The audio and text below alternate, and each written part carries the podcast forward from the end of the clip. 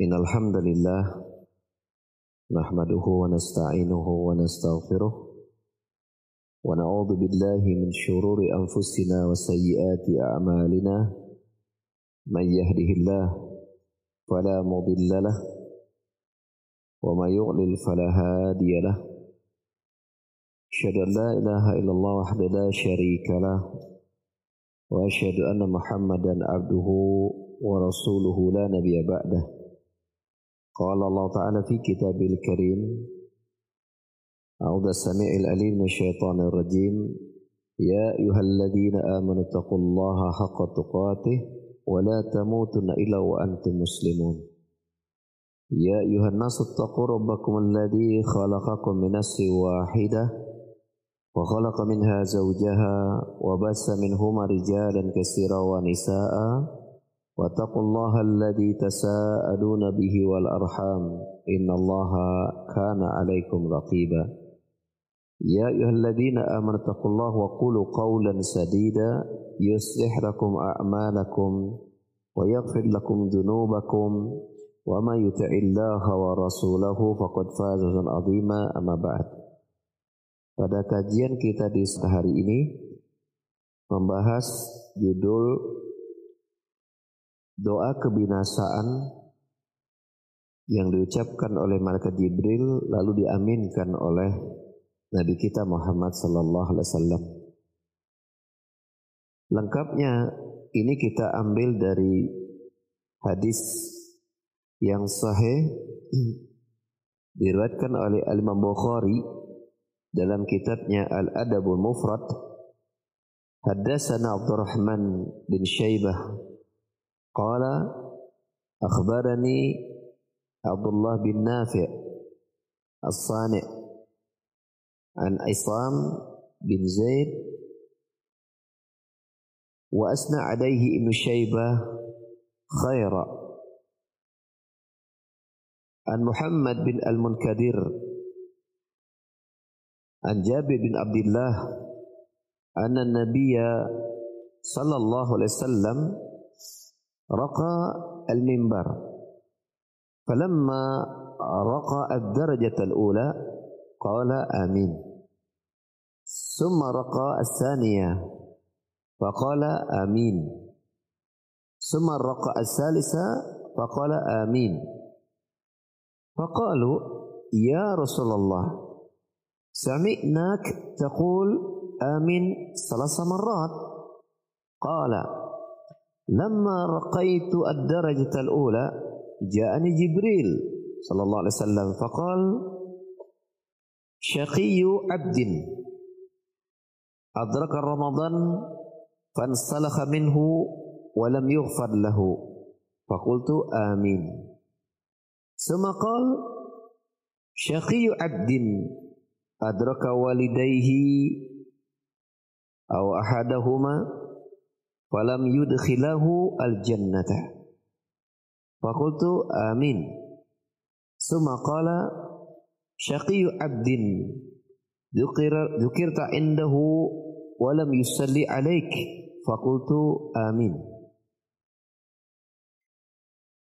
Telah mengisahkan kepada kami Abdurrahman bin Syaibah. Ia berkata telah mengabari kami Abdullah bin Nafi As-Sayy dari Isham bin Zaid dan Ibnu Syaibah memujinya dengan kebaikan dari Muhammad bin Munkadir dari Jabir bin Abdullah. Bahwasanya Nabi sallallahu alaihi wasallam ini sahabat yang meriwayatkan hadis ini yaitu Jabir bin Abdullah. Bahwasanya Nabi sallallahu alaihi wasallam menaiki mimbar yang mimbar Nabi itu kan eh, apa tiga sini gitu ya jadi tiga ini gitu. Tiga apa? Kalau nginjak tuh satu naik lagi dua naik lagi tiga. Itu mimbarnya Nabi seperti itu. Ya jadi kelihatan. Ya nah, jadi kok mimbar Nabi itu orang Nabi naik para sahabat bisa melihat Nabi gitu ya. Tiga tiga tingkat. Nah Ketika naik tingkat pertama, beliau mengucapkan amin. Kemudian menaiki tingkat kedua, beliau kembali mengucapkan amin. Naik ketika ketiga kembali mengucapkan amin. Maka para sahabat bertanya, "Ya Rasulullah, kami mendengarmu mengucapkan amin tiga kali." Maka Nabi pun menjawab, "Tatkala aku naik di tingkat yang pertama, Jibril sallallahu alaihi wasallam datang kepadaku. Lalu berkata, "Celakalah seorang hamba. Kalau riwayat yang lain menyebutkan Roma anfunriin yaitu eh, hidung seseorang itu tersukur ke tanah menunjukkan hina ya. Nah, lapat dan Bukhari ini dan pada menggunakan lapat syaqiyu abdin yaitu celakalah seorang hamba. Adraka Ramadan dia mendapati bulan Ramadan fansalakha minhu lalu Ramadan itu berlalu darinya walam yughfar lahu dan namun dosa-dosanya tidak diampuni maka aku pun mengucapkan amin jadi amin yang pertama ini adalah amin yang Rasul ucapkan ketika malaikat Jibril menyampaikan celakalah seseorang ketika Ramadan tiba sampai selesai darinya tapi dosanya tidak diampuni. Diaminkan oleh Nabi.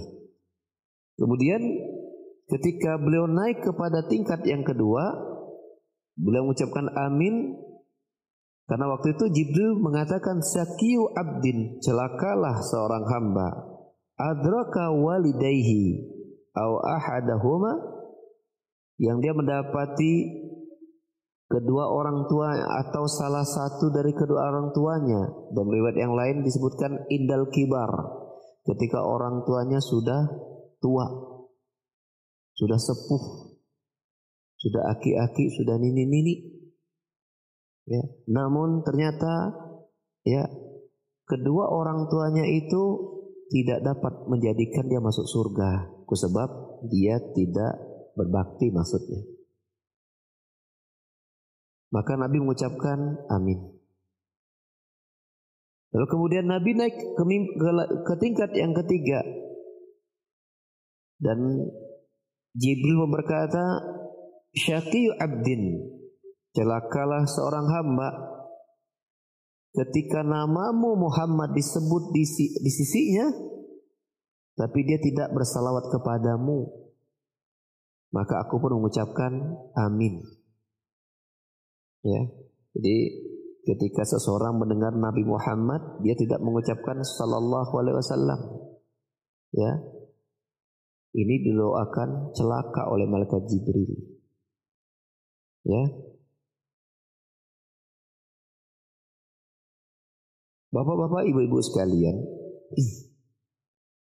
kita mengetahui bahwasanya Jibril termasuk di antara jajaran malaikat termulia minal mukarrabin yang dekat dengan Allah Subhanahu wa taala. Dan Nabi kita Muhammad sallallahu alaihi wasallam adalah manusia yang terbaik.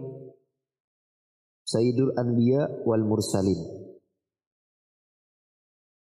Dari seluruh manusia yang Allah ciptakan, mulai dari Nabi Adam sampai manusia yang terakhir, maka yang menjadi manusia terbaiknya adalah Nabi kita Muhammad sallallahu alaihi wasallam.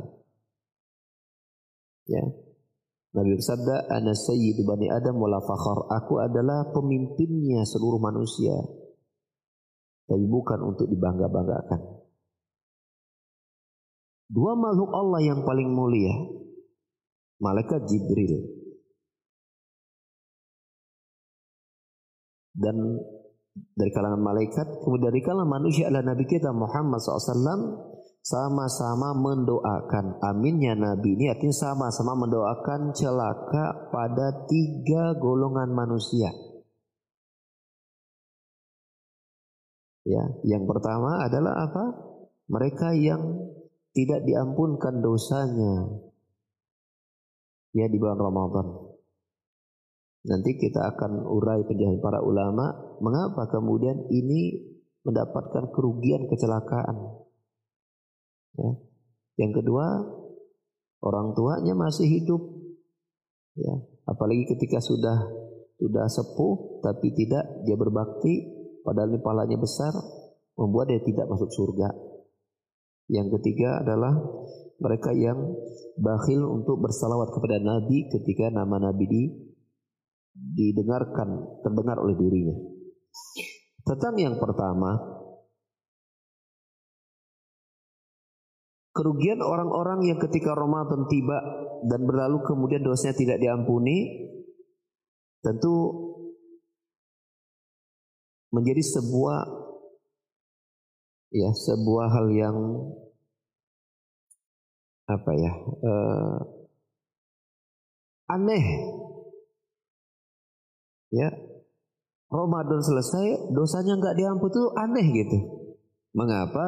Karena karena bulan Ramadan itu bulan di mana semua amalan manusia itu dilipat gandakan pahalanya. Ya plus banyaknya amalan-amalan yang dosa itu digugurkan. Ambil misal tentang puasa itu sendiri bulan Ramadan.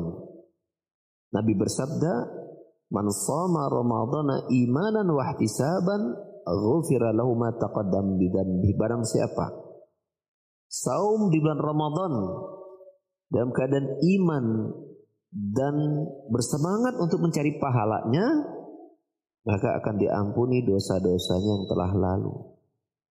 Itu yang pertama, saumnya sendiri dapat menggugurkan dosa. Yang kedua, sholat malamnya. Dalam hal ini mungkin sholat tarawih ya. Nabi bersabda, Man qama ramadhana imanan wa ihtisaban, ghufira lahu ma taqaddam Barang siapa yang sholat malam bulan Ramadan dalam keadaan iman dan semangat untuk mencari pahala, maka akan diampuni dosa yang telah lalu. Yang ketiga, man qama lailatul qadri imanan wa ihtisaban ghufira lahu ma taqaddama min dzambi. Barang siapa yang menghidupkan malam Lailatul Qadar tentu dengan ibadah-ibadah dalam keadaan iman dan dengan semangat untuk mencari pahala maka akan diampuni dosa-dosanya yang telah lalu. Yang keempat, Rasul bersabda, "Lillahi utaqa'u minan nar." Padalika kullu lailatin. Allah Subhanahu wa taala mencatat adanya hamba-hambanya yang akan dibebaskan dari api neraka dan itu tiap malam. Bila malam pertama belum tercatat, ada kesempatan malam yang kedua. Malam kedua tidak tercatat, kesempatan malam ketiga terus sampai di akhir Ramadan. Makanya hadis tentang pembagian sepuluh pertama adalah rahmat, sepuluh kedua adalah ampunan, sepuluh ketiga dibebaskan neraka ini hadis yang daif, hadis yang lemah. Bahkan para ulama menyebutnya daif jidan, lemah banget. Dengan dua alasan utama, ada periwayat yang lemah dalam sanatnya, yang kedua bertentangan dengan hadis dengan hadis yang sahih tadi. Allah menyebutkan Rasul bersabda, Allah memiliki ya orang-orang yang Allah akan apa? Yang Allah akan dicatat oleh Allah orang-orang yang Allah akan bebaskan dari api neraka di tiap malamnya. Sementara hadis tadi baru di 10 malam terakhir. Ini kan bertentangan. Dan kita tahu ketika Allah membebaskan hambanya di neraka itu menunjukkan Allah mengampuni dosanya, menunjukkan Allah memberikan rahmat kepada dirinya. Maka di tiap malam Allah menurunkan rahmatnya. Di tiap malam Allah memberikan ampunannya. Di tiap malam Allah membebaskan hambanya dari api neraka. Itu di tiap malam. Dengan hadis-hadis ini, saum menggugurkan dosa. Salat tarawih menggugurkan dosa. Menghidupkan masuk qadar menggugurkan dosa.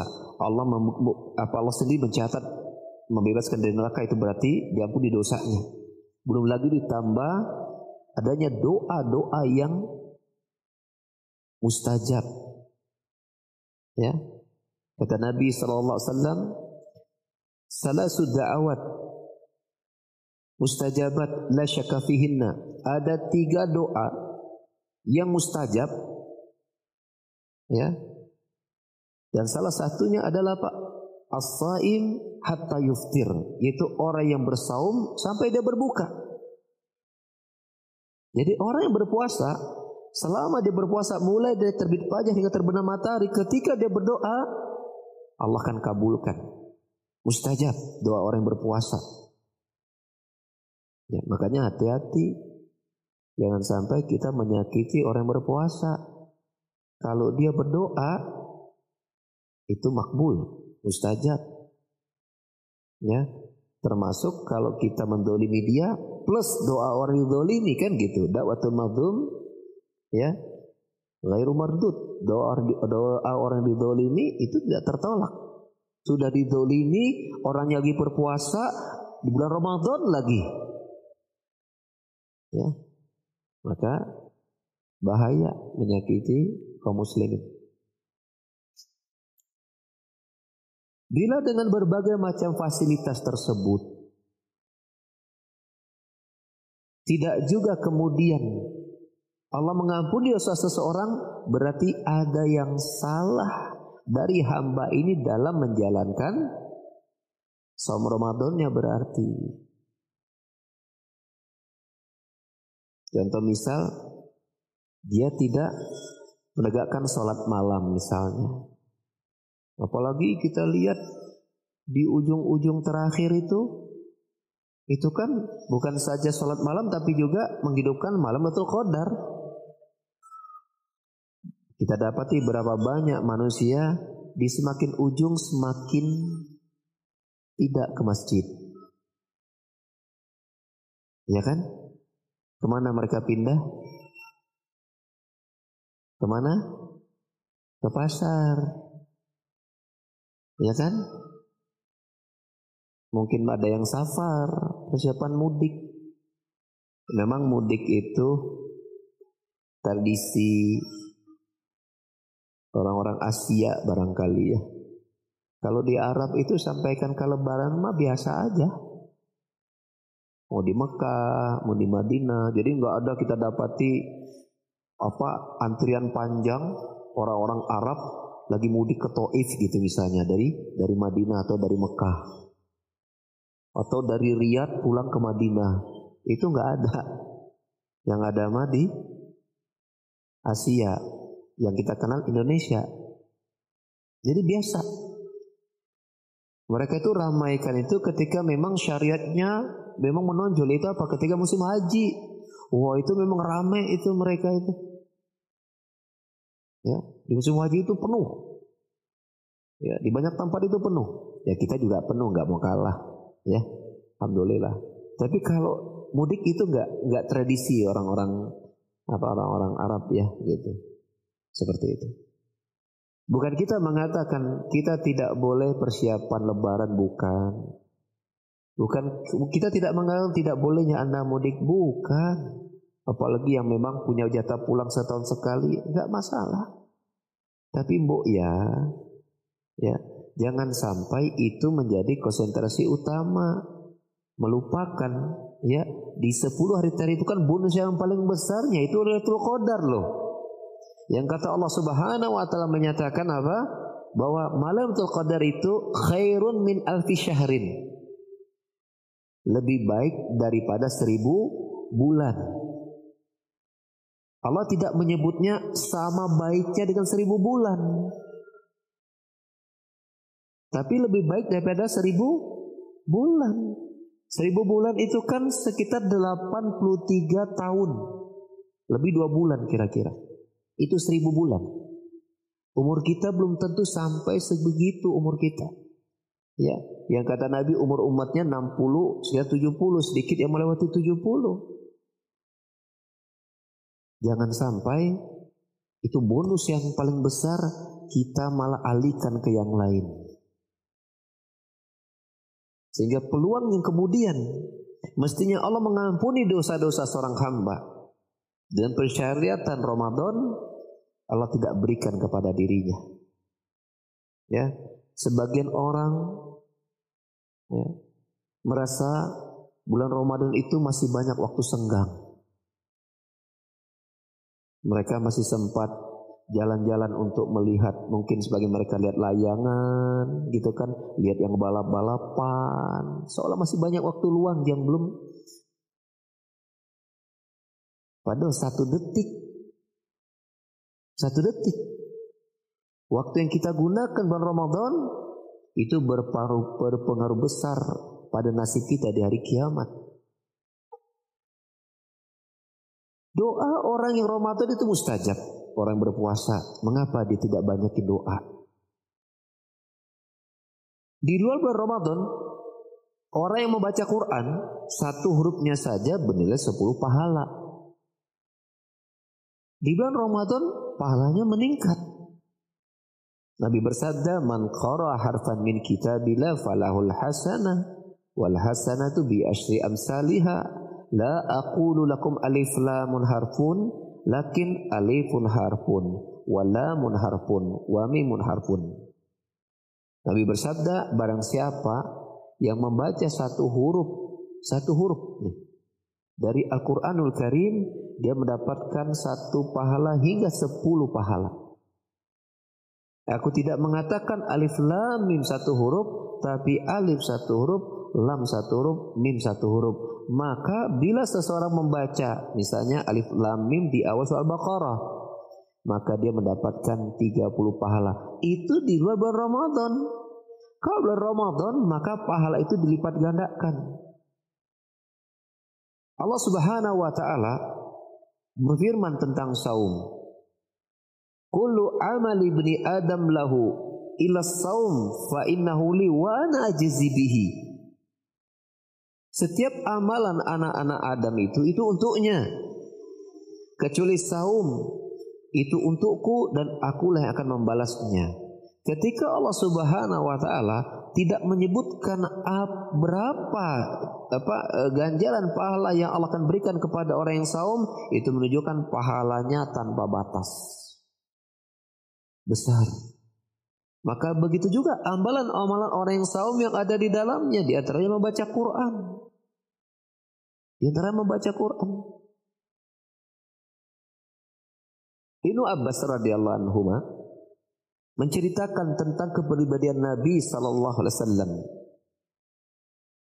Ya, diceritakan dalam hadis sahabat Bukhari, "Kana an-nabiy sallallahu alaihi wasallam ajwadun nas wa ajwadu ma yakuni fi Ramadan hina yalqa Jibril Wa kana Jibril yudarisuhu Al-Qur'an. Fa Rasulullah sallallahu alaihi wasallam ajwad bil khair min rihin mursalah. Ibnu Abbas berkata, adalah nabi itu orang yang paling baik, orang yang paling dermawan dan semakin baik, semakin dermawan ketika Ramadan tiba tatkala Jibril menemuinya. Di mana Jibril membacakan Al-Quran kepadanya. Dan Rasulullah SAW manusia yang paling bagus dalam kebaikannya lebih baik daripada angin yang berhembus. Kita tahu angin berhembus itu cepat merata dan jumlah yang besar. Itulah Nabi Sallallahu Alaihi Wasallam. Ya. Membacakan Al-Quran bulan Ramadan. Jadi amalan Nabi bersama Malaikat Jibril tiap Ramadan itu sibuk dengan Al-Quranul Karim. Makanya kita dapati di antara sahabat Utsman bin Affan itu di setiap hari bulan Ramadan menghatamkan Al-Quran satu kali. Menghatam Al-Quran satu satu kali. Kebayang pahalanya sebesar apa? Uang satu huruf aja alif lam mim itu dapat 30 pahala. Alif lam mim. Bagaimana dengan khatam Al-Quran? Ya, yang jumlah kalau jumlah ayatnya saja kan para ulama menyebutkan 6200 sekian. Itu ayatnya. Hurufnya nggak tahu berapa, mungkin jutaan. Maka kok dipahalakan mungkin mungkin ratus, mungkin triliunan mungkin pahalanya kalau diuangkan itu. Utsman bin Affan mengkhatamkannya setiap hari satu kali. Jadi mungkin ketika Ramadan misalnya berumur uh, sebanyak 29 hari, ada 30 hari berarti 30 kali khatam atau 29 kali khatam. Al-Imam Syafi'i rahimahullah taala menghatamkan Al-Qur'an di luar salatnya itu dua kali satu dalam satu hari. Imam Syafi'i dalam satu hari khatam ya dua kali. Dan ada seorang ustadz dia menceritakan pengalaman bertemu dengan orang yang dia memang bisa khatam itu membaca Quran 7 jam khatam. 7 jam khatam. Selain memang bacanya bagus, tepat, cepat, tapi tepat. Dan juga fisiknya kuat, kesabarannya juga tinggi, kokoh. Coba kita baca Quran, lagi puasa. Satu jam udah mulai panas. Mulai cari-cari alasan untuk cari makan. Nggak kuat. Itu baru kekuatan fisik, belum kekuatan kesabaran. Nah Imam Syafi'i bisa dua kali khatam dalam satu hari. Jadi bagaimana kita lihat para sahabat, Rasul, Malaikat Jibril, para sahabat, para ulama menyibukkan hari-hari mereka bulan Ramadan dengan Al-Quran. Sementara kita seolah waktu masih banyak yang kosong, masih sempat ngabuburit, masih sempat jalan-jalan. Mengapa? Karena semangat untuk mencari pahala tidak sekuat mereka, itu masalahnya. Sementara Nabi mengatakan barang siapa yang puasa karena imannya kepada Allah dan bersemangat karena ingin cari pahala mengumpulkan sebanyak-banyaknya, Allah ampuni dosa yang telah lalu. Seolah-olah kita ini atau sebagian kaum muslimin ini tidak ingin Allah ampuni dosanya. Makanya pantas Nabi SAW menyebutkan rubas saimin lam yajid min siyami ilju. Bisa jadi ada orang yang berpuasa tidak ada yang dia dapatkan kecuali hanya lapar doang. Pahalanya enggak. Dia habiskan hari-harinya dengan tidur. Tak baca Quran, tak berzikir. Ya, dia habiskan harinya dengan jalan-jalan.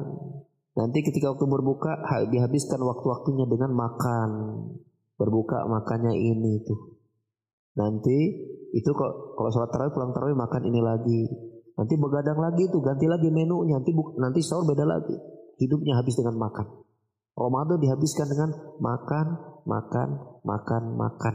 Kalau perut sudah kenyang, seharian tidur. Seolah-olah dia tidak ingin Allah mengampuni dosanya. Di sana ada lagi orang-orang yang Bukan saja Allah tidak mengampuni dosanya. Bukan saja Allah tidak memberikan pahala dari puasanya, bahkan Allah menjadikan ya selesai puasa dia menjadi orang yang mengumpulkan sekian dosa. Nabi sallallahu alaihi wasallam bersabda, "Man lam yada' qawla zur wal amala bihi, falaysa lillahi hajatun Walaysa lillahi hajatun fi ayyada ta'amahu wa syarabahu. Barang siapa yang tidak meninggalkan ucapan dusta dan pengamalannya, maka Allah tidak butuh dengan dia lapar dan haus. Allah enggak butuh. Artinya, lapar hausnya tidak bermanfaat dan berujung dengan Allah mencatat dosa-dosanya.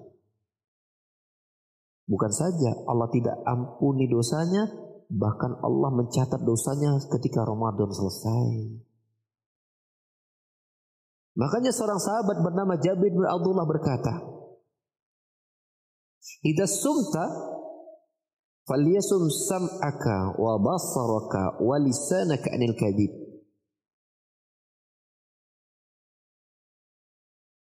Walam yakun yawmu siyamika wa yawmu fitrika sawa. Jika engkau berpuasa, maka puasakan pula telingamu Puasakan pula matamu, penglihatanmu. Puasakan pula lisanmu. Jangan engkau jadikan hari berpuasamu dengan hari-hari biasa, engkau sikapi sama. Ya. Makanya hakikat orang yang berpuasa itu adalah ketika anggota badannya itu melakukan ketaatan dan menjauhi dosa. Maka bila orang yang berpuasa makan dan minum membatalkan puasanya, maka demikian pula orang yang tidak menahan dirinya dari berbuat maksiat maka dia menghilangkan pahala puasanya. Makanya betul kata Nabi, bisa jadi ada orang yang berpuasa dia tidak mendapatkan apa pun di sisi Allah. Allah tidak mengampuni dosanya, Allah tidak memberikannya pahala kecuali dia hanya mendapatkan lemes, leles, lapar, haus, tok. Karena apa? Karena dia tidak menjalankan syarat dari ucapan Nabi Allah mengampuni dosa apa? Imanan wahti saban dia tidak melakukannya karena imannya kepada Allah. Dia tidak melakukannya karena dia ingin bersemangat mencari pahala pahala pahala. Beda kan? Orang yang masih kata Ramadan karena aku cari pahala uh dia berpikir apalagi nih pahala yang harus saya kumpulkan? Saya pikir udah baca Quran udah. Apalagi nih? Oh silaturahim apalagi nih? Sedekah Apalagi nih, hubungi orang tua, bakti sama orang tua, apalagi nih, bantu tetangga, apalagi nih, bantu orang miskin, apalagi nih, bantu orang butuh terus. Yang dia pikirkan pahala, pahala, pahala. Maka karakter orang yang seperti inilah yang akan mendapatkan jaminan Allah mengampuni dosanya. Kerakusannya untuk cari pahala. Makanya kita dapati ya Salat itu dia begitu memberikan perhatian besar. Sebagian orang, Alhamdulillah, bersemangat melaksanakan sholat tarawih. Ya, melaksanakan sholat malam. Tetapi sayang, ketika sholat subuhnya dia tidur. Bangun-bangun sudah lewat waktu sholat subuh. Berarti semangatnya untuk mengumpulkan pahala kurang ilmu berarti salah strategi. Padahal Sebesar-besar apa pun pahala sholat sunnah tidak akan bisa mengalahkan pahala sholat wajib. Makanya termasuk kesalahan seseorang semangat sholat tahajud saat subuhnya kesiangan. Lebih baik anda tidak sholat tahajud, sholat subuhnya tepat waktu daripada ada sholat malam, sholat subuhnya kesiangan. Karena sebesar apa pun sholat sunnah tidak akan bisa mengalahkan pahala sholat wajib. Ya. Itu sudah disepakati oleh para ulama. Ya. Allah Subhanahu wa taala berfirman, "La yazalu wa ma taqarraba ilayya 'abdi bi syai'in habbu ilayhi mimma taradtu 'alayhi wa la yazalu yataqarrabu ilayhi 'abdi bin nawafil hatta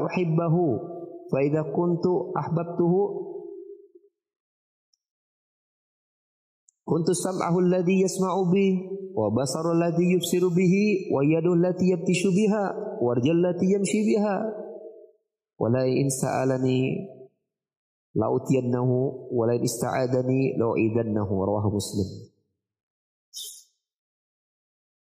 Tidaklah hambaku mendekatkan sesuatu, mendekatkan dirinya kepadaku dengan perkara yang paling aku cintai kecuali apa yang telah aku wajibkan kepada dirinya. Dan terus hambaku itu mendekatkan diri kepadaku dengan amalan sunnah. Sampai akhirnya aku mencintainya. Dan bila aku telah mencintainya, apa yang dia dengar, apa yang dia lihat, apa yang dia pegang, ke mana kakinya melangkah, itu semua kepada perkara yang Allah cintai dan ridhoi. Jika hamba ini meminta kepadaku doa, langsung dikabul. Bila dia memohon perlindungan dari berbagai macam keburukan, Allah lindungi. Ini wali Allah seperti itu. Orangnya apa yang bersemangat melaksanakan amalan-amalan terutama amalan wajib. Makanya termasuk tipu daya syaitan adalah apa? Seorang hambanya itu mementingkan amalan sunnah lalu meninggalkan meremehkan amalan wajib. Itu termasuk salah satu tipu daya syaitan. Kenapa? Tidak ada ya sebesar apa pun pahala amalan sunnah mengalahkan amalan wajib. Maka seseorang yang kemudian mensikapi Ramadannya karena ingin Allah mengampuni dosanya, dia akan bersemangat mencari pahala. Di antaranya apa? Tidak kemudian merendahkan amalan wajib, lalu kemudian mengagungkan amalan sunnah yang betul. Ya, eh, ada sering kita suka punya kantong itu. Wa, anu wajib kalaku anu sunnah kelampah mana kantongnya teh tarbiyah sunnah punya godi bag itu tuh waktu pembagian bamako kemarin ya apa bahan makanan pokok itu ada godi bagnya tulisannya itu ya atau yang terlalu ya. Fardu kalaku, sunnah kalampah itu. Wajib babat dulu. Sunnah jangan dilewatkan. Bila seorang hamba menghiasi hari-harinya untuk terus bersemangat mencari pahala, inilah ciri Allah menginginkan dosanya diampuni. Ciri hamba Allah ingin mengampuni dosanya adalah ketika dia bersemangat untuk mengumpulkan pahala sebanyak-banyaknya. Sehingga orang yang seperti ini dia kekurangan waktu untuk ibadah. Beda tadi yang kita sebutkan, masih ada orang yang merasa Ramadan itu waktu masih panjang, masih sempat mereka jalan sana, jalan sini, nonton sana, nonton sini. Apalagi kok udah ya grup sepak bola favoritnya muncul di layar kaca. Yang lain mulai baca Quran, ngurangi tidur 10 hari terakhir, dia 10 terakhir terakhirnya iktikaf di depan televisi. Yang lain itikaf di masjid, dia itikaf di depan HP-nya. Terkesan dia tidak butuh Allah mengampuni dosanya. Maka ingat-ingat. Dua makhluk Allah itu malaikat Jibril dan Nabi kita Muhammad SAW itu mendoakan cilaka bagi orang-orang yang ketika Ramadan tiba kemudian berlalu dari dirinya Allah tidak mengampuni dosa-dosanya karena apa? Karena hari-harinya dia isi dengan berleha-leha dan bersantai. Bahkan hari-harinya dia isi dengan kemaksiatan-kemaksiatan. Dia didoakan celaka oleh dua makhluk Allah yang mulia. Hadis ini kita sampaikan, kita bacakan agar kita apa? Selamat dari dua doa dari dua makhluk Allah yang mulia ini. Ramadan masih ada di hadapan kita. Raihlah pengampunan dosa dari Allah. Raihlah ya pembebasan dari api neraka oleh kita. Karena sebentar lagi Ramadan itu akan segera berlalu dari kita. Ya. Kita tidak mendapatkan hari di mana kita ibadah itu begitu bersemangat. Kita tidak mendapatkan hari di mana syaitan-syaitan itu Allah belenggu. Tidak, kita tidak mendapatkan hari di mana surga itu Allah buka pintu-pintunya. Neraka itu ditutup pintu-pintunya kecuali Ramadan. Bila bulan Ramadan kita tidak berubah, bila Ramadan kita tidak menjadi lebih baik, di bulan mana lagi kita akan menjadi lebih baik? Bila di bulan Ramadan kita tidak menjadi lebih baik, maka di bulan mana lagi kita akan menjadi baik? Sebab ketika Ramadan berlalu, maka syaitan-syaitan kembali berkeliaran, menyulitkan kita untuk ibadah. Ramadan ini beribadah mudah. Bersedekah gampang, zikir nyaman, semua ini sebuah nikmat. Serba nikmat Ramadan itu. Itu tidak akan kita dapatkan kalau Ramadan ini telah selesai. Tidakkah kita menyayangkan setiap detik Ramadan itu kita manfaatkan jangan sampai kita ya, gunakan untuk hal-hal yang merugikan kita dengan bentuk kita lalai dengan bentuk apalagi naudzubillah seorang mengisinya dengan dosa melalui matanya, telinganya dan lisannya dan anggota badannya yang lain. Ini manusia yang pertama yang didoakan celaka oleh malaikat Jibril dan diaminkan oleh Nabi sallallahu alaihi wasallam. Yang kedua, man adraka abawaihi indal kibar au ahadahuma lam yudkhilahu al jannah yaitu seseorang yang mendapati kedua orang tuanya atau salah satu dari keduanya bisa sudah berumur ya Lalu kemudian ternyata kedua orang tuanya itu tidak memasukkannya ke dalam surga. Padahal berbakti kepada orang tua di saat mereka sudah semakin lemah ini memiliki pahala yang besar. Allah Subhanahu wa taala Allah Subhanahu wa taala mendampingkan mentauhidkan ibadah hanya kepadanya dan kewajiban berbakti kepada orang tua dalam beberapa tempat ayat Al-Qur'an Al-Karim. Allah berfirman, "Wa qada rabbuka alla ta'budu illa iyyahu wa bil walidaini ihsana." dan Robmu telah menetapkan kewajiban ya agar kalian tidak beribadah hanya kepada Allah dan juga telah menetapkan kewajiban agar kalian berbakti kepada orang tua. Dalam ayat yang Allah berfirman, "Wa wasainal insana biwalidan ihsana." Kami wasiatkan kepada manusia agar mereka berbuat baik kepada kedua orang tuanya. Hamalat ummu kurha wa kurha yang mana ibunya itu mengandungnya dalam keadaan susah payah, melahirkannya dalam keadaan susah payah. Ya. Wa hamluhu wa fisalu fi fi amaini ya, salasina syara. Ya, yang kepada ibunya ini hamil kemudian menyapinya sampai 30 bulan.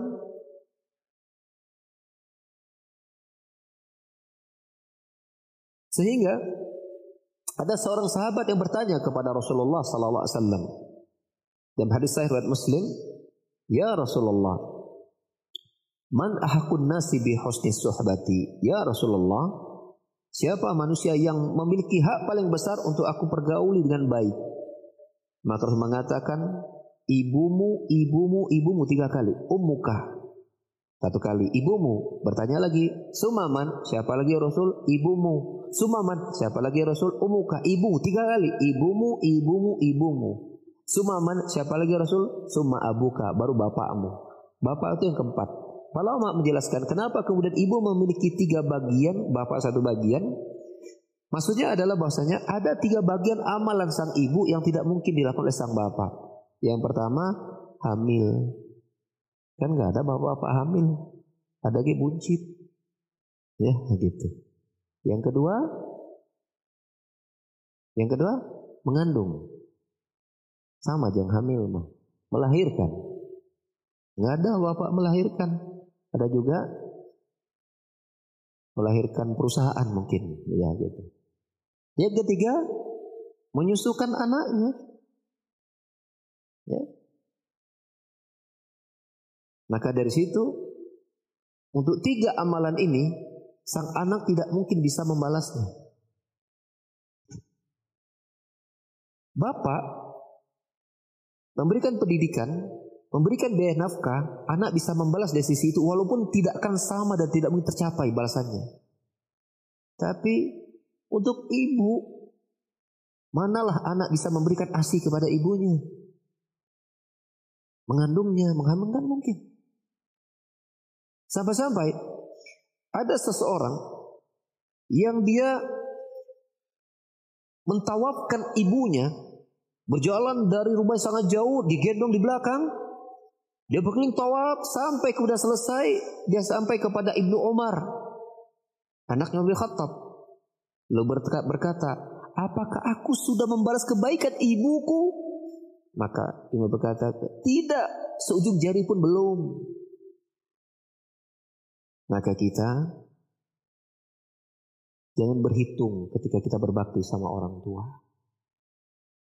Apalagi para laki-laki, bakti Anda itu kepada orang tua sebelum mertua.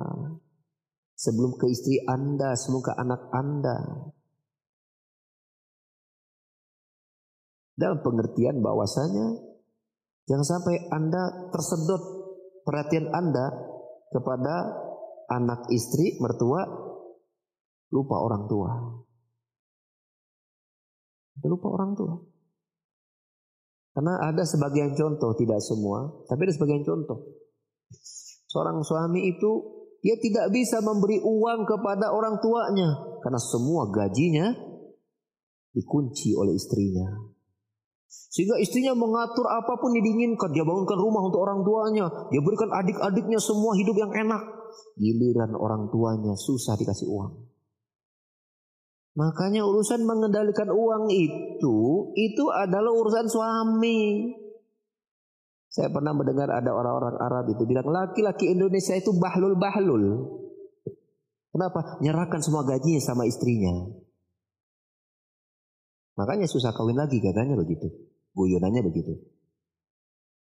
Iya. Bila semua gajinya diberi pada istrinya, kapan dia nyisakan untuk orang tuanya? Sehingga kadang-kadang sebagian suami ingin ke ke orang tuanya itu takut-takut gitu jangan sampai istrinya tahu. Ini sama sekali bukan sesuai dengan syariat. Yang betul istri dukung suami untuk bakti sama orang tuanya. Yang betul suami didik istrinya agar membantunya berbakti kepada orang tuanya dan tetap berbakti kepada orang tuanya. Itu yang betul. Apalagi kalau orang tuanya sudah apa? Sudah tua. Yang malaikat Jibril dan Nabi Muhammad mendoakan kebinasaan ketika orang tuanya sudah tua. Ternyata si anak tidak bakti, tidak memasukkannya ke dalam surga. Padahal ini adalah apa? Amalan besar. Orang tua itu merupakan apa? Ketika masih hidup, dia dua pintu surga. Ketika satu yang hanya hidup, dia masih ada satu pintu surga. Maka bila kita masih punya orang tua lengkap, itu dua pintu surga yang sediakan di muka bumi. Jangan kita sia-siakan, apalagi bulan Ramadan. Ya, Nabi SAW bersabda, Man fatara nas, man fatara sa'iman, kana lahu minal ajr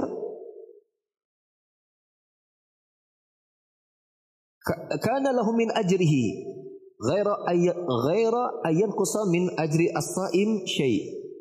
Barang siapa yang memberi makan berbuka orang yang berpuasa, ya kan? Maka dia mendapatkan pahala seperti pahala orang berpuasa tanpa dikurangi pahala orang yang berpuasa itu sedikit pun. Lalu bagaimana bila yang berbuka itu orang tua kita? Kita sediakan makan berbuka untuk dirinya. Maka pahalanya berlipat-lipat. Maka berstrategilah kita bulan Ramadan untuk mencari pahala yang besar. Kita bukan berarti kita tidak bersemangat untuk memberi apa menyalurkan donasi untuk orang berbuka yang lain, bukan.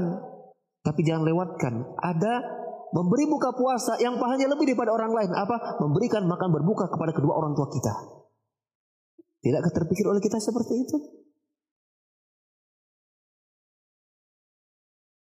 Kita luput kadang-kadang Sibuk membantu orang lain. Sibuk memberikan makan berbuka untuk orang lain. Bukan ini pahalanya tidak besar-besar. Tapi kenapa kita lewatkan memberi makan berbuka kepada kedua orang tua kita? Bagi yang jauh, kirimkan uang untuk buka puasa. Kita nggak punya nggak punya uang sejuta, dua juta, tiga juta, sepuluh juta untuk berbuka puasa. Masa seratus ribu, lima puluh ribu itu sekali aja berbuka kita tidak berikan kepada mereka. Pada itu bukan jumlah yang besar. Anggaplah sekali berbuka itu hanya 20 ribu. Kirimkan mereka belikan nasi bungkus nih. Gitu. Plus uang sejuta kalau bisa mah. Bagus. Gitu. Tidakkah itu juga kita coba? Hanya memberikan dia satu kali berbuka saja. Ini panitia-panitia kajian buka puasa. Ini jangan lupa orang tua. Ya. Anda belikan orang tua Anda satu bungkus nasi ya dengan lauknya, dengan buahnya segala macam sekali saja seumur hidup Anda. Barangkali belum pernah Anda lakukan, lakukan. Lakukan. Ya. Ajak anak istri untuk buka bareng di rumah orang tua kita, di rumah mertua kita, gitu kan. Untuk mendapatkan pahala yang lebih. Maka jangan sampai ya Allah tidak memasukkan kita ke surga ketika Allah sudah memberikan kita fasilitas kepada orang tua kita yang sudah tua untuk kita berbakti kepada mereka. Yang ketiga adalah bakhil dalam bersalawat kepada Nabi SAW. Ini pun juga didoakan kerugian dan kecelakaan oleh mereka Jibril dari ambil Nabi SAW. Kata Nabi SAW, al-bakhil itu idaulah yusalli alaiya. Orang bakhil itu adalah orang yang ketika namaku disebut dia tidak mau bersalawat. Ini menunjukkan bahwa bersalawat kepada Nabi ketika nama Nabi disebut hukumnya wajib. Maka antum ketika mendengar kata Nabi Muhammad harus mengucapkan minimal alaihi salatu wassalam atau sallallahu alaihi wasallam. Dan ini hukumnya wajib. Wajibnya wajib ain. Jadi kita jangan bakhil mengucapkan salawat kepada Nabi SAW. Yang apa pahala yang kita dapatkan? Jadi kita mengucapkan salawat. Ya, kata Allah kata Rasulullah SAW, man salla alayya salatan wahida sallallahu alaihi ashra. Barang siapa yang bersalawat kepadaku satu kali, maka Allah akan menjawab membalas salawatnya sepuluh kali. Apa maksud Allah bersalawat kepada hambanya yang bersalawat kepada Nabi itu? Artinya apa? Allah menyebut-nyebut hamba ini di hadapan para malaikatnya. Dia menjadi terkenal di langit. Bila satu salawat dibalas sepuluh, ya Allah sebut simpulan itu misalnya yang bersalawat ini namanya amin misalnya. Dosa kepada Nabi SAW. Maka si Amin itu disebut 10 kali oleh Allah di para malaikat. Si Amin, si Amin. Allah mengabarkan bahwa orang itu bersama pada nabinya. Si Amin namanya. Dan bila Allah mencintai seorang hamba, maka Allah meminta kepada Jibril untuk menyampaikan kepada malaikat yang lain bahwa kabarkan bahwa Allah mencintai si fulan.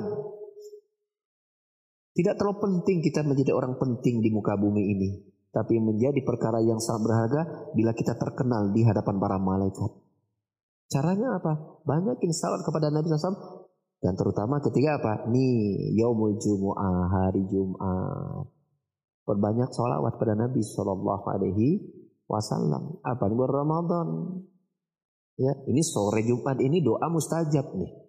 Ya, maka sebelum kita doa, Puji Allah, besar kepada Nabi, dan mudah Allah kabulkan doa-doa kita. Demikian para jamaah sekalian, materi kita pada hari. Semoga Allah Subhanahu wa taala lindungi kita dari amalan-amalan yang itu merupakan amalan didoakan kerugian oleh malaikat Jibril dan oleh Nabi kita Muhammad SAW dan semoga Allah Subhanahu wa taala ya memberikan kemudahan kepada kita untuk melakukan amalan-amalan kebaikan sebanyak yang bisa kita lakukan apalagi bulan Ramadan dan menerima amalan tersebut ya dan akan bermanfaat.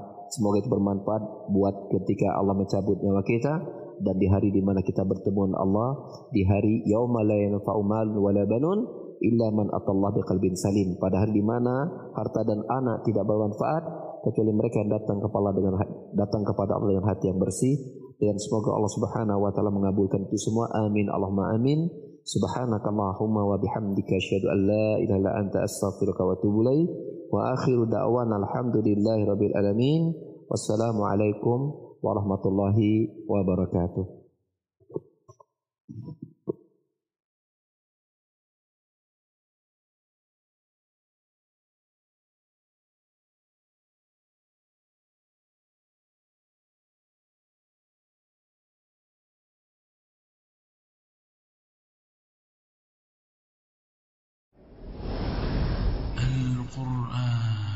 ولا تقف ما ليس لك به علم. إن السمع والبصر والفؤاد كل أولئك كان عنه مسؤولا. Radio Tarbiyah Sunnah 1476 كيلوهرتز. إذاعة القرآن. إذاعة القرآن الكريم.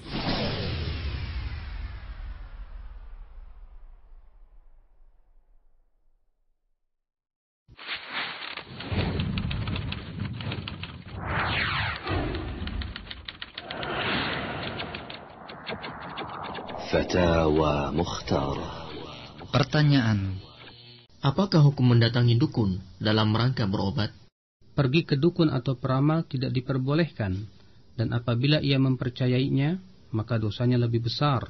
Berdasarkan hadis Man ata arrafan fasa'alahu an syai'in lam tuqbal lahu salatun arba'ina yauman Barang siapa yang mendatangi peramal lalu ia bertanya tentang sesuatu maka solatnya tidak diterima selama 40 hari. Riwayat Muslim.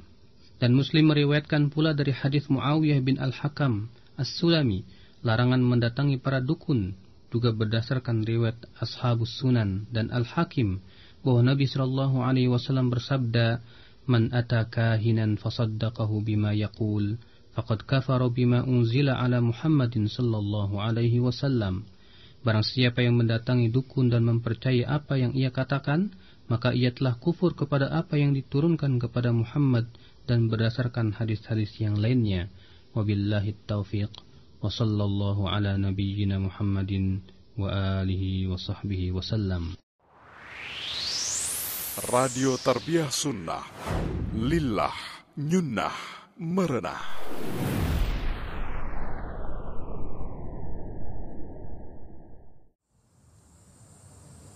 Dalam Islam dianjurkan seorang untuk bercita-cita. Cita-cita yang tinggi.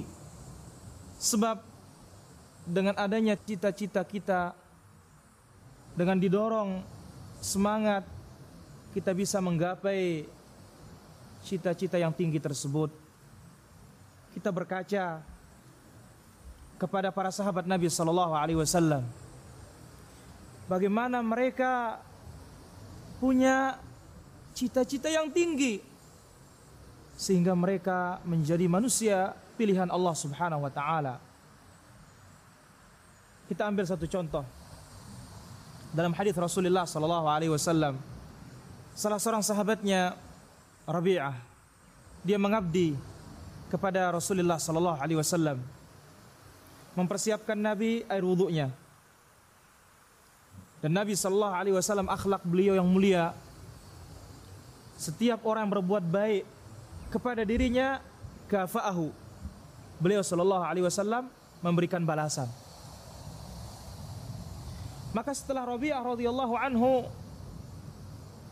mempersiapkan Nabi alaihi wasallam wudu maka Nabi alaihi wasallam bertanya kepadanya sal? Nabi berkata kepadanya sal mintalah apa yang kau inginkan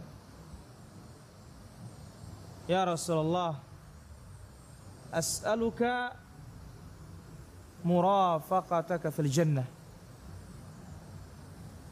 Aku minta kepadamu ya Rasulullah agar kita berbarengan di dalam surga Allah Subhanahu wa taala. Aku minta kepadamu agar kita disatukan oleh Allah Subhanahu wa taala dalam jannahnya. Nabi alaihi salatu wassalam mengatakan awa ghairu dzalik. Apa tidak yang lain yang kau minta? Perhatikan di sini bagaimana permintaan sahabat Rasulullah sallallahu alaihi wasallam yang mana angan-angan mereka, yang mana cita-cita mereka adalah bagaimana mendapatkan surga yang tinggi. Itu surganya para anbiya, surganya Rasulullah sallallahu alaihi wasallam. Maka oleh karena itu Nabi alaihi wasallam mengatakan, "Idza sa'altumullah al-jannah fas'aluhu al-firdaus." Apabila kalian minta kepada Allah Subhanahu wa taala surga, maka mintalah al-firdaus. Kenapa? Fa innahu a'lal jannah. Firdaus adalah surga yang paling tinggi. Lihat cita-cita sahabat Rasulullah sallallahu alaihi wasallam selalu surga.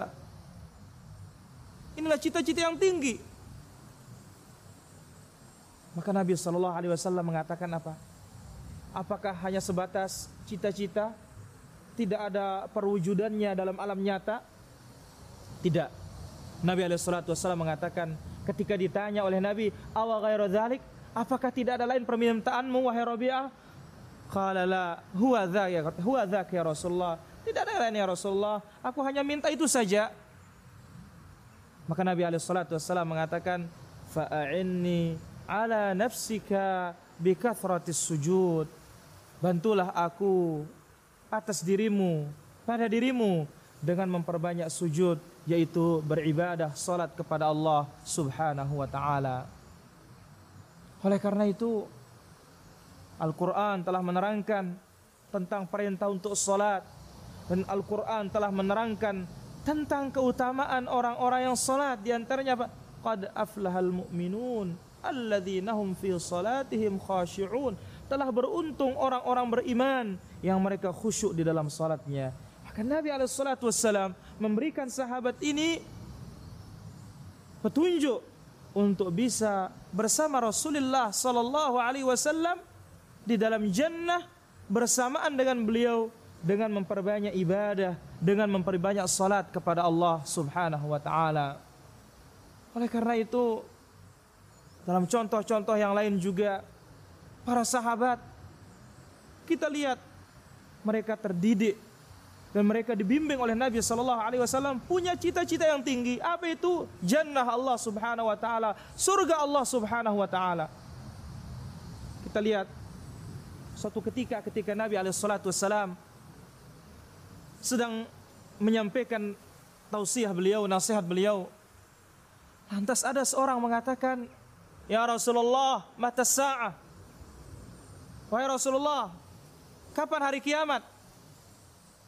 sekali Nabi tidak menghiraukannya. Di kali yang lain dia pun kembali bertanya, "Ya Rasulullah, mata sa'ah?" Kapan hari kiamat ya Rasulullah? Nabi pun tidak menghiraukannya. Kali ketiganya Rasulullah sallallahu alaihi wasallam bertanya, "Mana yang bertanya tadi?" "Aku ya Rasulullah." Lantas Nabi wasallam berkata kepadanya, "Madza a'datta laha?" Apa yang kamu persiapkan sehingga engkau mempertanyakan tentang hari kiamat tersebut? Qala ya Rasulullah, ma a'datu laha kathiras salah wala saum wala sadaqah. Ya Rasulullah, Aku tidak mempersiapkan kiamat itu sholat yang banyak. Aku tidak mempersiapkan dia puasa yang banyak. Aku tidak mempersiapkan dia sedekah yang banyak. Artinya yang sunnah-sunnah. Lantas orang ini mengatakan illa anni uhibballah wa rasulah. Hanya saja yang aku persiapkan dia adalah cinta Allah dan cinta Rasulnya. Lantas apa kata Nabi Shallallahu Alaihi Wasallam? Al mar'u ahab. Seorang itu akan dikumpulkan oleh Allah Subhanahu Wa Taala bersama orang yang ia cintai. Subhanallah. Para sahabat Rasulullah Sallallahu Alaihi Wasallam punya ghirah, punya semangat untuk meraih jannah Allah Subhanahu Wa Taala. Mereka punya cita-cita yang tinggi untuk mendapatkan surga Allah Subhanahu wa taala. Maka bantulah diri kita dengan senantiasa beribadah kepadanya. Baik dengan salat kita, dengan zakat kita, dengan puasa kita, dengan menuntut ilmunya kita, dengan amal-amal kebaikan tersebut. Barulah kita bisa mencapai cita-cita yang tinggi untuk bisa masuk ke dalam jannah Allah Subhanahu wa taala dan itu pula doa Rasulullah sallallahu alaihi wasallam ketika beliau akan wafat. Ya, Nabi mengatakan Ar-Rafiqul A'la, Ar-Rafiqul A'la, Ar-Rafiqul A'la. Wa sallallahu ala nabina Muhammad wa ala alihi wa sahbihi wasallam walhamdulillahi rabbil alamin. Radio Tarbiyah Sunnah Lillah Nyunnah Merenah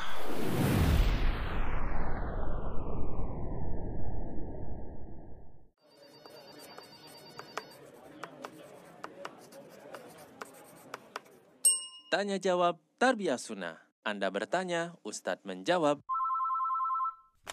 Ustaz? Berisi jawaban pertanyaan pada kajian Islam ilmiah.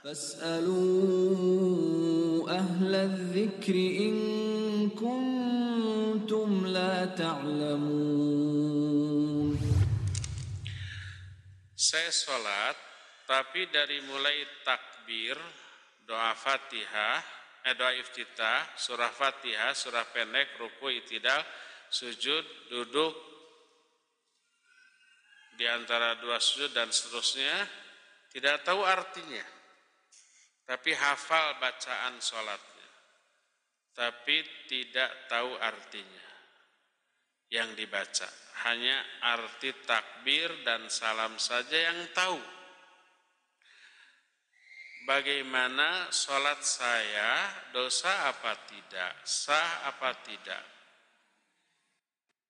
Tidak tahu artinya. Sholatnya sah selama rukun dan syaratnya terpenuhi. Selama dia tidak batal dengan beberapa penyebab batalnya sholat. Tapi yang jadi masalah kualitas dan nilai dari sholatnya. Pahala yang Allah berikan akan disesuaikan dengan kadar kekhusyuan. Dan khusyuk diambil atau lahir dari adanya penghayatan terhadap apa yang dia baca. Dan penghayatan baru bisa dilakukan kalau apa? Tahu arti. Kata mulut bismillahirrahmanirrahim. Hati fikiran menghayati dengan menyebut nama Allah yang maha pengasih dan maha penyayang. Alhamdulillahirabbil alamin kata mulut. Hati fikiran menghayati segala puji bagi Allah penguasa semesta alam. Terus begitu. Ketika ruku subhana rabbiyal azim. Maha suci, eh, maha suci Allah yang maha agung. Ya. Kita sinkronkan doa dengan posisi posisi ruku, posisi menghinakan diri di hadapan Allah ketika kita menghinakan diri kita sebut sifat agungnya Allah maha suci Allah yang maha agung saya rendah saya hina Allah suci dari kehinaan dan Allah agung maha suci Allah yang maha agung kita membungkuk ruku menghinakan diri ketika kita sujud sujud itu merendahkan diri di hadapan Allah Allah maha suci dari kerendahan kita sebut subhana. Maha suci Allah dari kerendahan.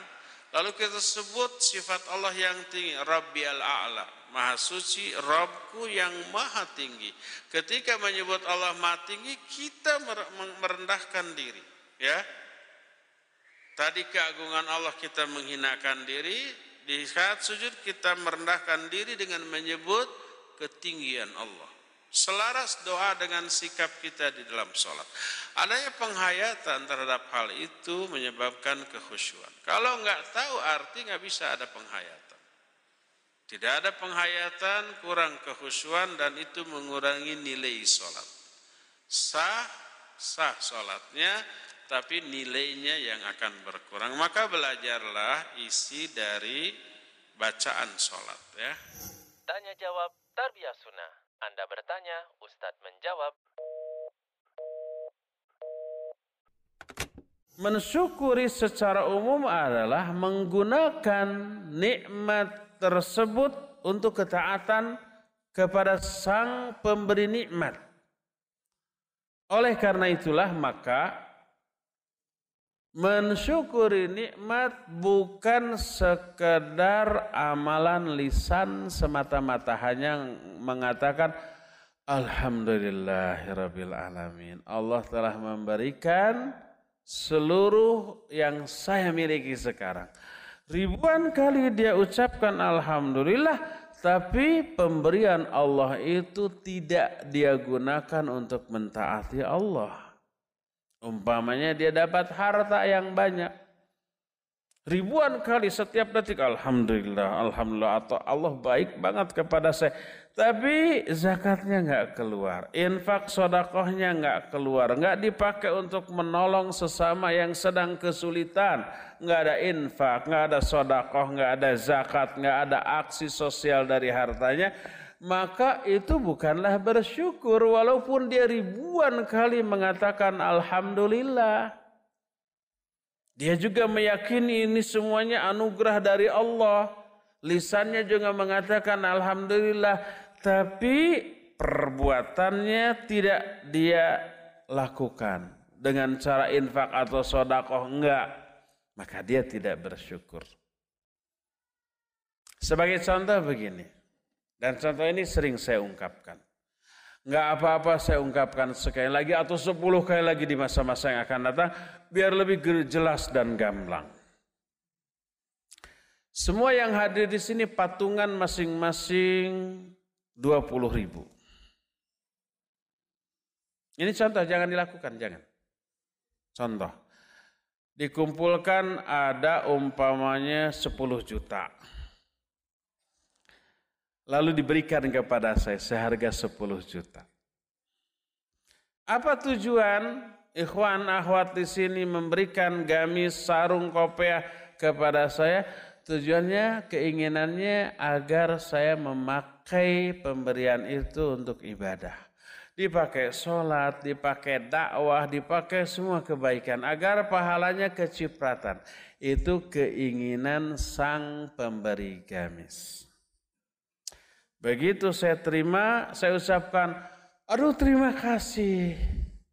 Hatur nuhun, matur nuhun, thank you very much. Syukron jazila. Danke. Arigato. Kamsiah. Sudah cuma segitu. Enggak ada lagi. Berulang kali saya ungkapkan dengan berbagai macam bahasa.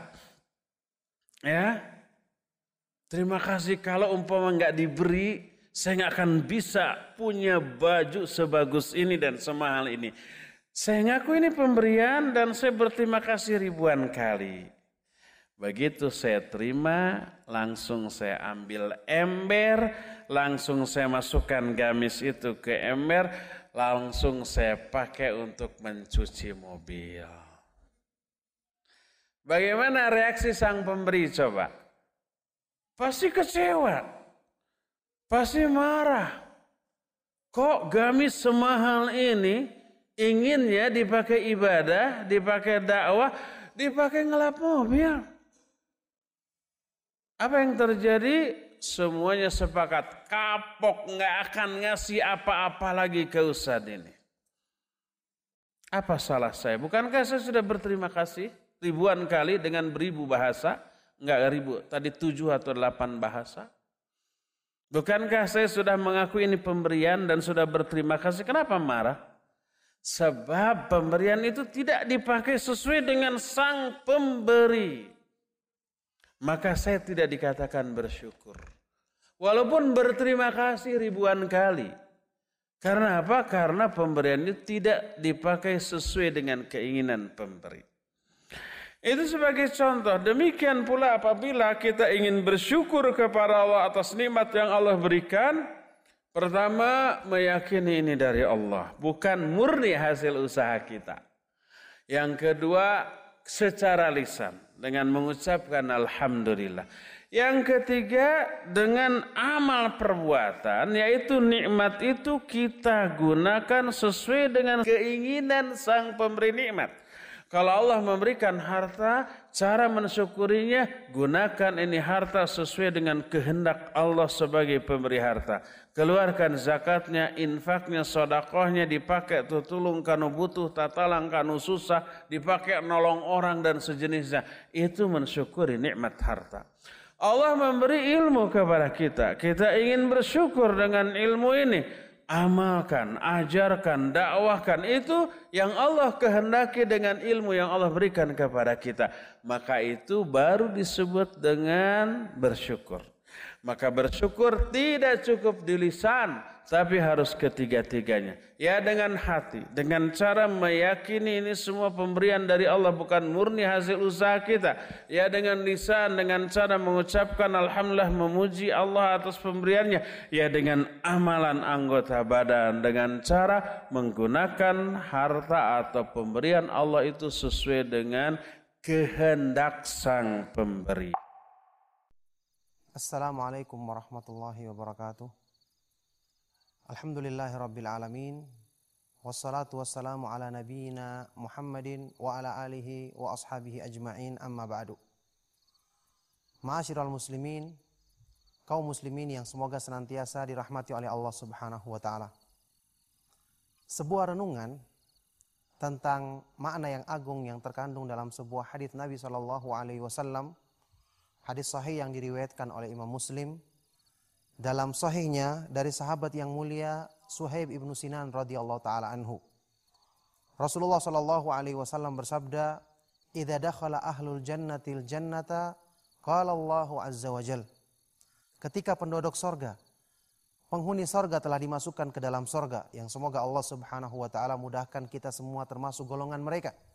Ketika mereka telah masuk ke dalam sorga, Allah Subhanahu wa taala berfirman kepada mereka, "Hal turiduna syai'an azidukum?" Apakah kalian menginginkan sesuatu sebagai tambahan? Coba kita bayangkan. Tawaran seperti ini sudah diberikan kenikmatan yang demikian tinggi kepada mereka penduduk sorga karena kemuliaannya dan sempurnanya balasan di akhirat. Allah tawarkan lagi, apakah kalian ingin tambahan?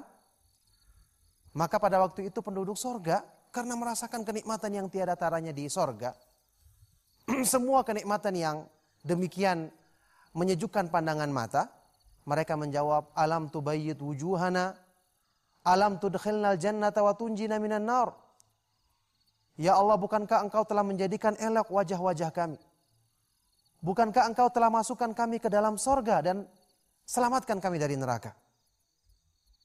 Qala kemudian Rasulullah Shallallahu Alaihi Wasallam bersabda, fayakshifu anil hijab fama u'tu syai'an ahabba ilaihim minan nadhari ila rabbihim azza wajal. Pada waktu itulah Allah menyingkap hijab yang menutupi wajahnya yang maha mulia sehingga semua penduduk sorga tidak merasakan satu pemberian yang lebih mereka cintai daripada ketika mereka memandang wajah Allah Subhanahu wa taala yang maha sempurna yang maha indah kemudian Rasulullah wasallam membaca firman Allah lilladzina ahsanul husna wa ziyadah. Bagi orang-orang yang berbuat kebaikan di dunia, berbuat ketaatan kepada Allah, mereka akan mendapatkan kenikmatan sorga, al-husna, pahala yang terbaik. Dan ziyadah tambahannya, yaitu memandang wajah Allah subhanahu wa ta'ala yang maha indah dan maha sempurna. Perhatikan hadis yang mulia ini. Renungkan kandungannya. untuk kita praktekkan dalam kehidupan kita. Untuk kita jadikan sebagai sebab untuk meraih kecintaan kepada Allah. Yaitu apa? Kenikmatan di sorga. Bukankah kenikmatan yang tinggi? Kenikmatan yang tiada taranya. Apa yang kita saksikan berupa gunung, lembah-lembah yang indah, hamparan padang rumput yang hijau, keindahan. Tapi coba bandingkan dengan keindahan yang ada di sorga. Bandingkan dengan keimanan kita kita bandingkan. Apakah sama? Allah Subhanahu wa taala berfirman dalam Al-Qur'an, "Fala ta'lamu nafsum ma ukhfiya min qurrati a'yunin jazaa'an bima kanu ya'malun." Tidak ada satu jiwa pun, seorang pun yang mengetahui apa yang disembunyikan bagi mereka berupa kenikmatan yang menyejukkan pandangan mata, menyejukkan hati sebagai balasan dari apa yang mereka kerjakan di dunia. Tidak ada yang mengetahui, artinya kenikmatan tersebut tiada taranya. Sangat jauh lebih tinggi dibandingkan kenikmatan di dunia. Memang di sorga ada sungai, di dunia juga ada sungai. Tapi sungai di sorga beda dengan sungai di dunia. Di sorga ada pemandangan yang indah, tapi jelas sangat lebih jauh, lebih indah dibandingkan dengan apa yang ada di dunia. Di sorga juga ada makanan, minuman, buah-buahan, ada istri, ada suami, ada keluarga. Tapi lebih menyenangkan dan jauh sangat menyenangkan. Makanya Rasulullah SAW pernah menggambarkan kenikmatan sorga, ya, dalam sebuah hadis kursi Allah Subhanahu wa taala berfirman, "A'dadtu li'ibadiyas salihin ma la ainun ra'at wala udunun sami'at wala khatara ala qalbi bashar." Aku siapkan untuk hamba-hambaku yang soleh kenikmatan di sorga yang bagaimana sifatnya belum pernah dilihat oleh mata. Saking indahnya, saking luar biasanya menariknya belum pernah didengar oleh telinga dan belum pernah bahkan terlintas, terbetik dalam hati, dalam benak manusia. Jadi apa yang kita saksikan di alam semesta tidak ada apa-apanya. Dibandingkan dengan kenikmatan di sorga. Bersamaan dengan itu saja, apa yang terjadi ketika penduduk sorga telah merasakan kenikmatan tersebut. Dan waktu mereka bertemu dengan zat yang menciptakan semua kenikmatan dan keindahan.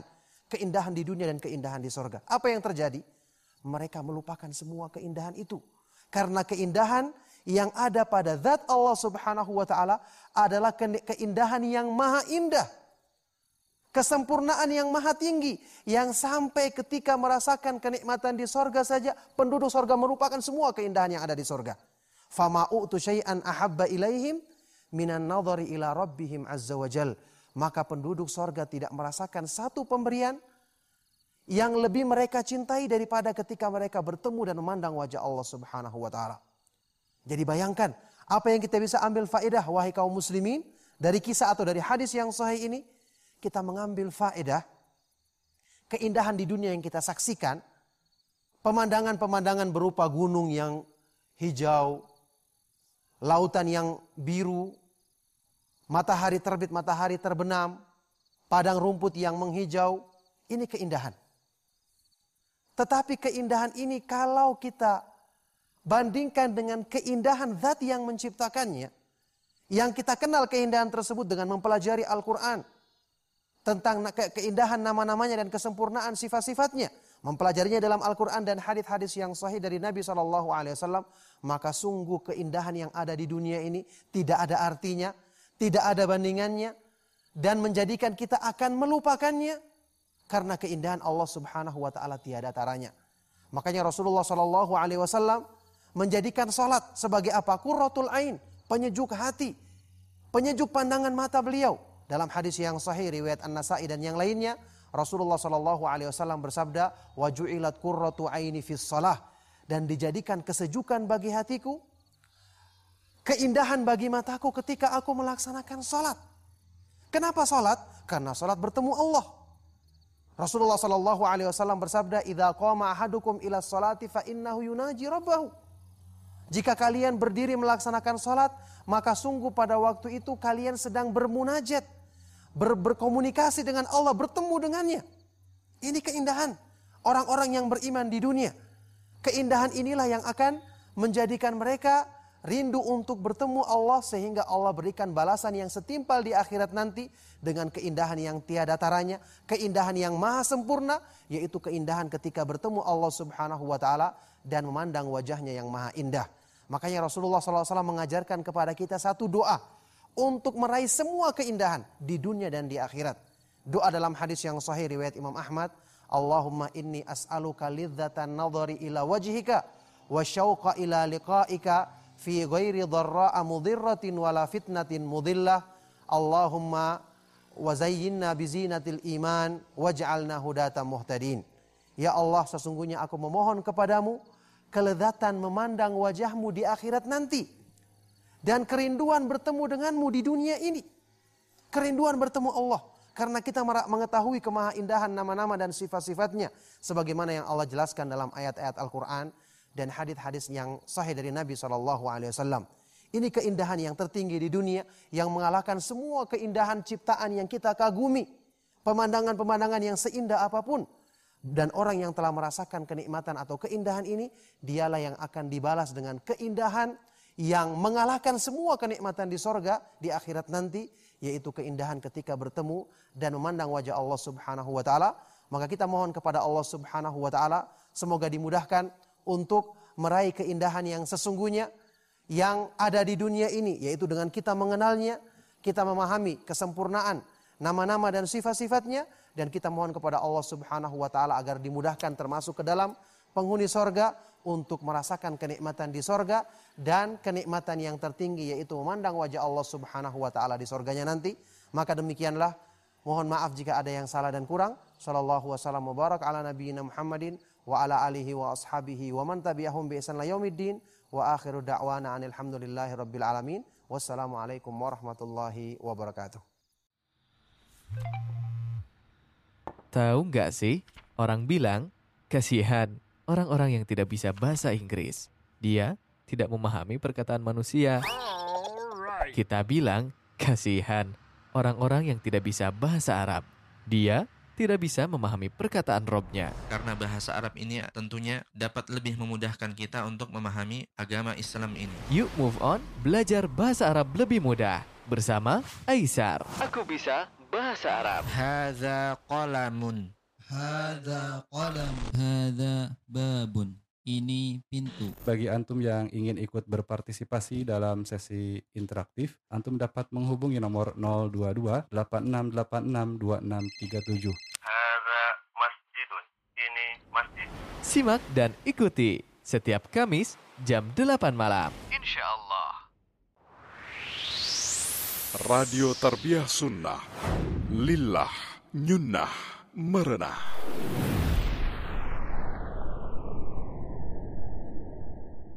Siapa salaf? Salaf itu generasi yang terdahulu. Imam Ghazali mengatakan salaf adalah para sahabat Rasulullah SAW. Salaf. Ya. Sebagian ulama mengatakan salaf adalah tiga generasi yang paling utama. Sahabat, tabi'in, dan tabi'ut apa? Tabi'in. Jadi ketika antum mendengar kata salaf, jangan yang antum pikirkan Ustadz Anu, Ustadz Anu, bukan. Kalau antum mendengar kata salaf, yang antum langsung terbayang sahabat, tabi'in, dan tabi'ut tabi'in generasi yang utama. Kita ini berusaha ngikutin mereka, Pak. Kita berusaha untuk mengikuti siapa? Mereka. Dan kita menisbatkan kepada mereka boleh sangat bagus. Maka kita katakan salafi. Artinya nisbat kepada apa? Salaf. Iya. Dalam bahasa Arab, ya dalam salafi di sini ya unisbah. Ya penisbatan. Artinya menisbatkan diri kepada siapa? Salaf. Walaupun tidak setiap orang yang mengaku dirinya salafi termasuk salaf. Apa pengikut salaf belum tentu, Pak. Seperti ada orang tukang bom mengaku dirinya salafi. Ya, salafnya itu Dzul Khuwaisirah. Khawarij. Ya, bukan para sahabat, bukan. Kalau cuma ngaku saya salafi, semua orang juga bisa kok. Ya. Sama dengan orang yang mengaku darinya ahlu sunnah wal jamaah dan yang lainnya. Nah, akhi, kenapa kita harus merujuk para salaf, Pak? Sudah saya sebutkan tadi di awal, Pak. Karena mereka sebaik-baik generasi. Karena mereka sebaik-baik generasi, berarti pemahaman mereka yang paling baik, Pak. Cara beragama mereka yang paling baik. Makanya kita jadikan mereka sebagai apa? Rujukan. Iya. القرآن. ولا تقف ما ليس لك به علم. إن السمع والبصر والفؤاد كل أولئك كان عنه مسؤولا. Radio Tarbiyah Sunnah 1476 kHz إذاعة القرآن إذاعة القرآن الكريم.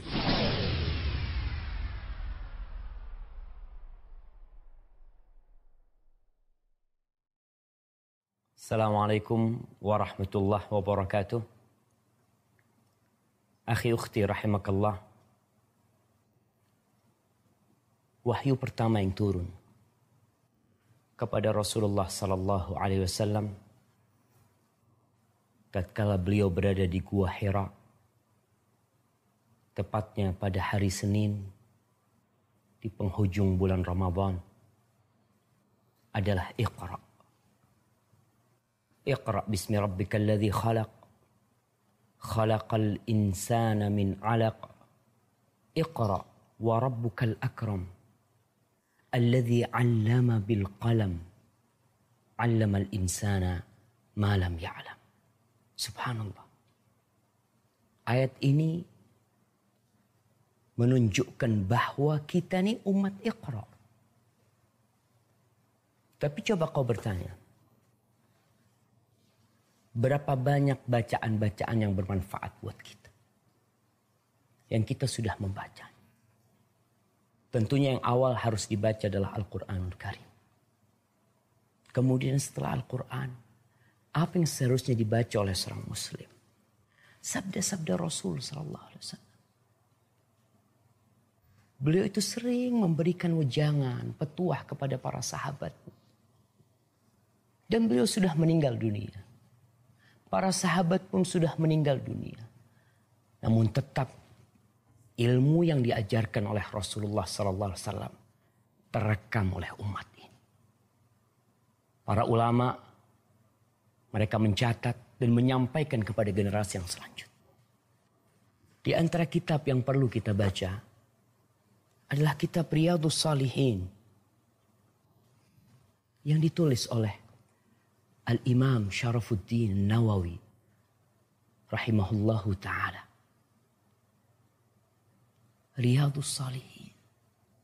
Apa sih artinya? Kita mungkin sering mendengar nama kitab. Tapi terkadang ya karena keterbatasan kita dalam bahasa Arab kita nggak ngerti. Riyad itu berasal dari kata raudhah yang artinya taman. Riyad itu kata jamak untuk raudhah, taman-taman. Taman-taman siapa? As-salihin. Taman-tamannya orang-orang soleh. Kita ini suka jalan-jalan, rekreasi, hiburan, refreshing ya. Ternyata ada taman-taman orang-orang soleh yang seharusnya kita bawa ke rumah kita. Kau belilah saya tidak mengiklankan kitab ini. Tapi saya mengiklankan isi dari kitab. Bayangkan Imam Nawawi sudah meninggal dunia. Tapi sampai hari ini. Hampir setiap orang soleh. Membaca Riyadus Salih. Nih anak kasih contoh. Banyak problematika yang kita hadapin. Yang kita nggak tahu solusinya. Apa penyebabnya? Kita nggak mau baca. Kalaupun kita baca, kita membaca sesuatu yang menambah masalah buat kita. Kita baca berita ini, berita itu. Sedangkan Al-Quranul Karim dan sabda-sabda Rasulullah Sallallahu Alaihi Wasallam kita tidak mau membacanya. Al-Imam Nawawi membuat sebuah bab tentang wajibnya menyuruh keluarga dan anak-anak dan rakyat bertaat kepada Allah dan mencegah mereka dari menyalahi dan berbuat maksiat yang terlarang. Lalu dia tulis firman Allah, "Wa'mur ahlaka bis salati wastabir 'alaiha." Kau suruh keluargamu untuk salat dan sabarlah. Di sini banyak orang tua yang nggak sabaran mungkin menghadapi anaknya yang tidak sholat. Di sini ada sebagian orang tua yang sakit hati tatkala melihat anak-anaknya nggak sholat. Padahal kesalahan itu dari orang tua. Kau sejak kapan nyuruh anakmu sholat? Ternyata anaknya baru disuruh sholat setelah lulus SD. Setelah balik dengan catatan, Ustaz dia kan belum wajib sholat sebelum balik. Iya betul. Tapi kok nggak baca bahwasanya Rasul Shallallahu Alaihi Wasallam mengatakan muru auladakum bis salat li sab'in. Kau suruh anakmu sholat mulai umur tujuh tahun. Kau suruh. Dia memang belum balik betul. Belum wajib dia sholat. Yang wajib siapa? Orang tuanya wajib nyuruh anaknya sholat. Ketika dia umur tujuh tahun. Wadribuhum alaiha li ashrin pukul mereka ketika umur 10 tahun. Jadi kalau orang tua nyuruh anaknya sholat setelah umur 12 tahun. Lalu anak itu nggak sholat. Yang salah bukan anaknya itu. Orang tuanya yang akan bertanggung jawab. Di mana kita mendapatkan itu? Di bacaan. Baca jemaah. Kalau kita masih tidak mau membaca. Kita lebih suka baca ya medsos. WA, Facebook, Twitter. Apa aja tuh ketika kita berhadapan dengan kitabullah, berhadapan dengan sunnah-sunnah Rasul Sallallahu Alaihi kita tidak mau membacanya. Kita mau jadi apa nanti? Barakallahu fiqh. Assalamualaikum warahmatullahi wabarakatuh. Radio Tarbiyah Sunnah Lillah Nyunnah Merenah